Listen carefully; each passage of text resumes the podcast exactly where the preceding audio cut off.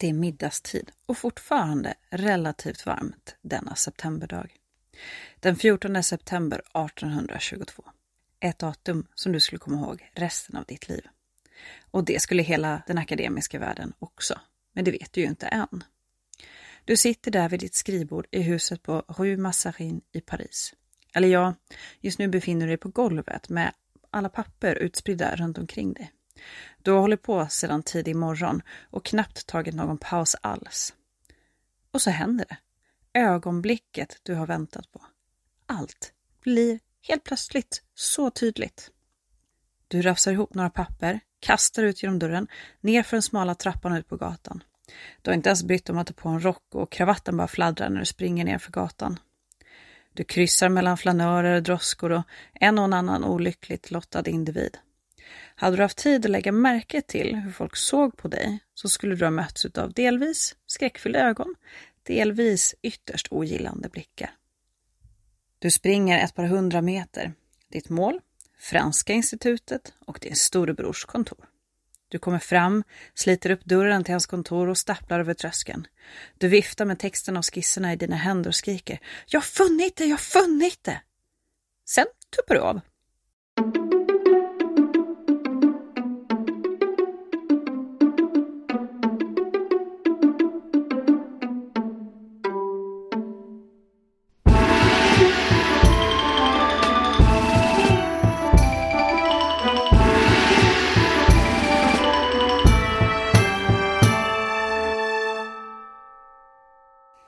Hej och välkomna till Podius Castus, en podd om antiken och till det här minisnittet om hieroglyfer. Jag heter Hanna och tänkte ta med er på en liten resa in i hieroglyfernas spännande värld. Och när Jean-François Champollion äntligen knäcker gåtan med hieroglyferna, då löser han en gåta som har jäckat forskare väldigt, väldigt länge.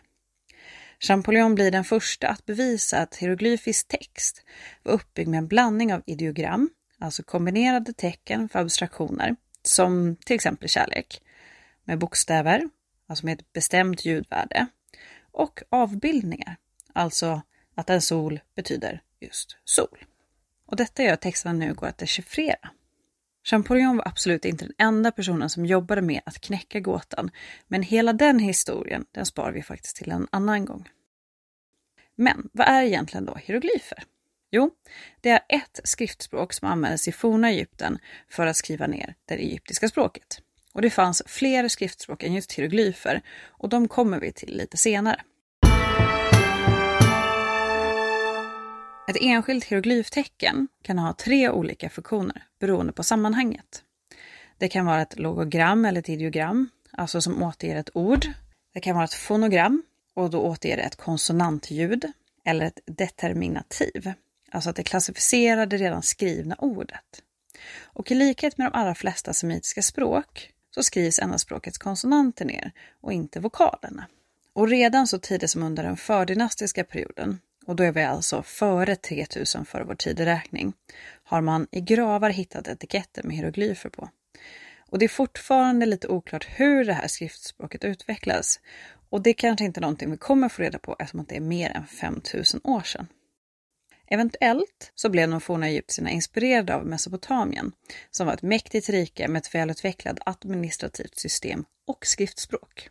Och den sumeriska bildskriften som existerade så tidigt som 3500 före vår tidräkning kan genom då kontakter mellan folken ha bidragit.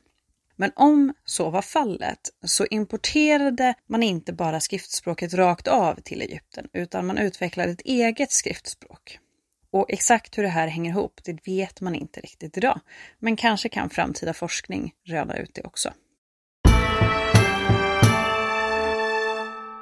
Och namnet hieroglyfer, det kommer från grekiskans ord hieroglyfikos, vilket betyder heliga tecken. Och det är faktiskt en ganska korrekt beskrivning. Och det inhemska egyptiska ordet för det egna skriftspråket, det var medu netjer. Och det betyder typ ord från gudarna. Och syftet verkar främst ha varit att kommunicera med just gudarna. Och detta kunde man ju då göra i tempel, på begravningsplatser eller i association med faraon, eftersom att faraon var en länk mellan människorna och gudarna. Och det är på de här platserna och i de här sammanhangen som man hittar just hieroglyfer. För det var förbehållet en väldigt liten del av befolkningen, och då eliten.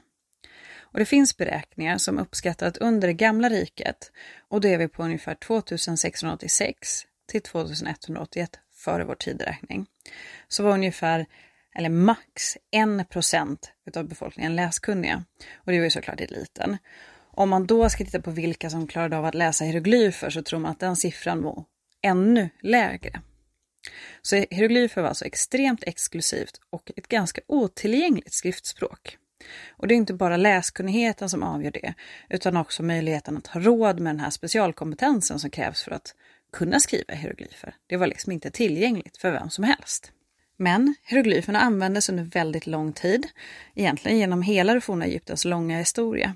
Och som alla skriftspråk så utvecklas det ju. Och det utvecklas ju också i takt med att språket utvecklas. Ett exempel som vi kan ta idag, det är antalet tecken.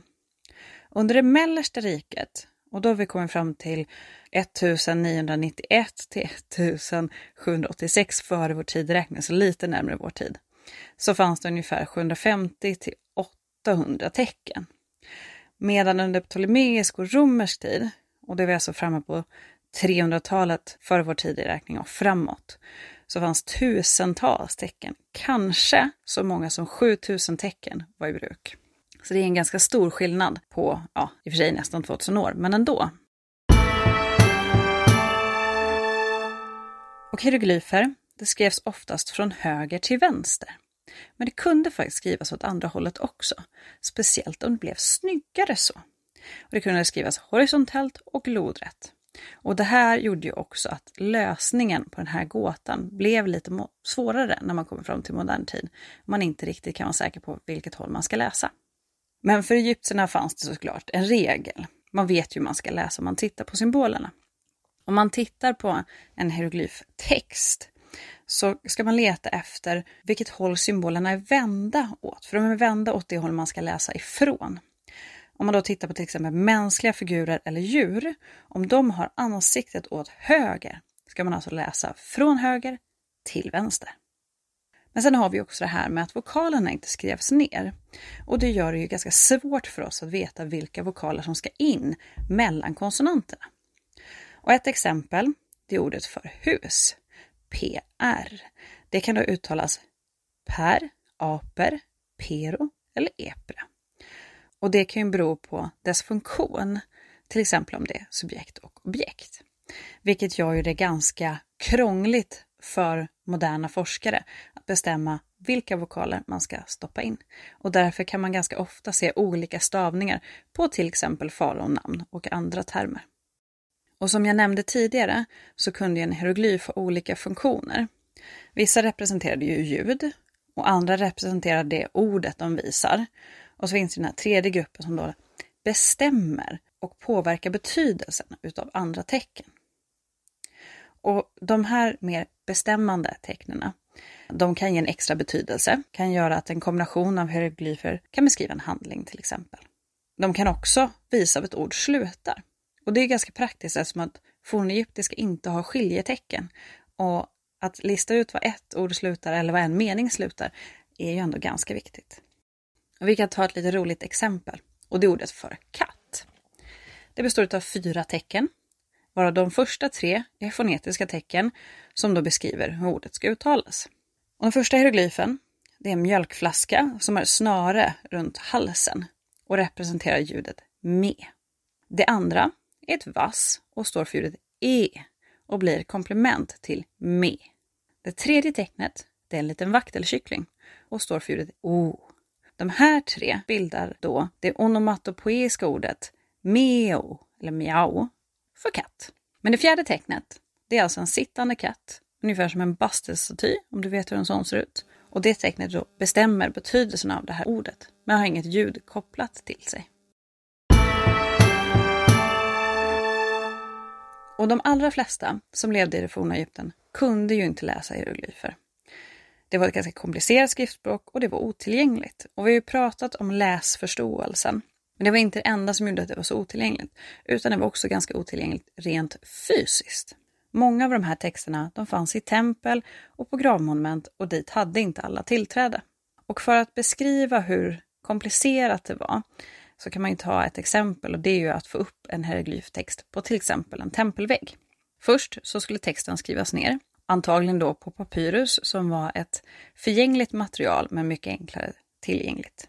Sedan skulle målas upp på en förberedd väggyta och då målas den med en röd färg.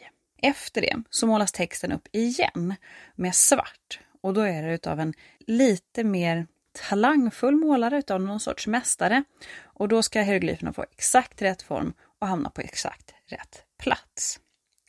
Och efter det skedet, då kommer skulptörerna eller bildhuggarna in. Och nu kommer vi till ett litet vägskäl i den här processen. Generellt sett så var det så att på templets ytterväggar så skrevs hieroglyferna med försänkt relief, alltså att avtrycken går in i väggen.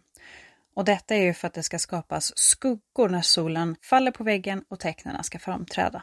Den andra varianten var vanligare inomhus och det är en så kallad högrelief, alltså att tecknen sticker ut och kan då fånga det lite svagare ljuset som från lamporna eller det dunkla dagsljuset som finns inne. Och den andra av de här två varianterna, högreliefen, krävde då att bildhuggare kommer in efter att texten har målats med svart och att de högg bort den negativa ytan, alltså tomrummet mellan tecknen. Och det här gjordes ganska grovt. Efter att de var klara med grovgörat, då kommer nästa omgång bildhuggare in och de var lite mer erfarna och lite duktigare och de får då göra finlirat nära relieferna. Efter det så kommer målarna in och troligen var det en person per färg. Alltså en målare för blått, en för rödbrunt, en för vitt och en för gult. Alltså en åt gången. Och som ni förstår är ju här en ganska kostsam och tidsödande konst och ingenting som man kan använda för dagligt bruk. Men man behövde ju skriva dagligdags. Och då kunde man ta till den hieratiska skriften. Och den utvecklas i alla fall så tidigt som 3200 till 3000 före vår tidräkning. Och den är en mer kursiv form av hieroglyferna.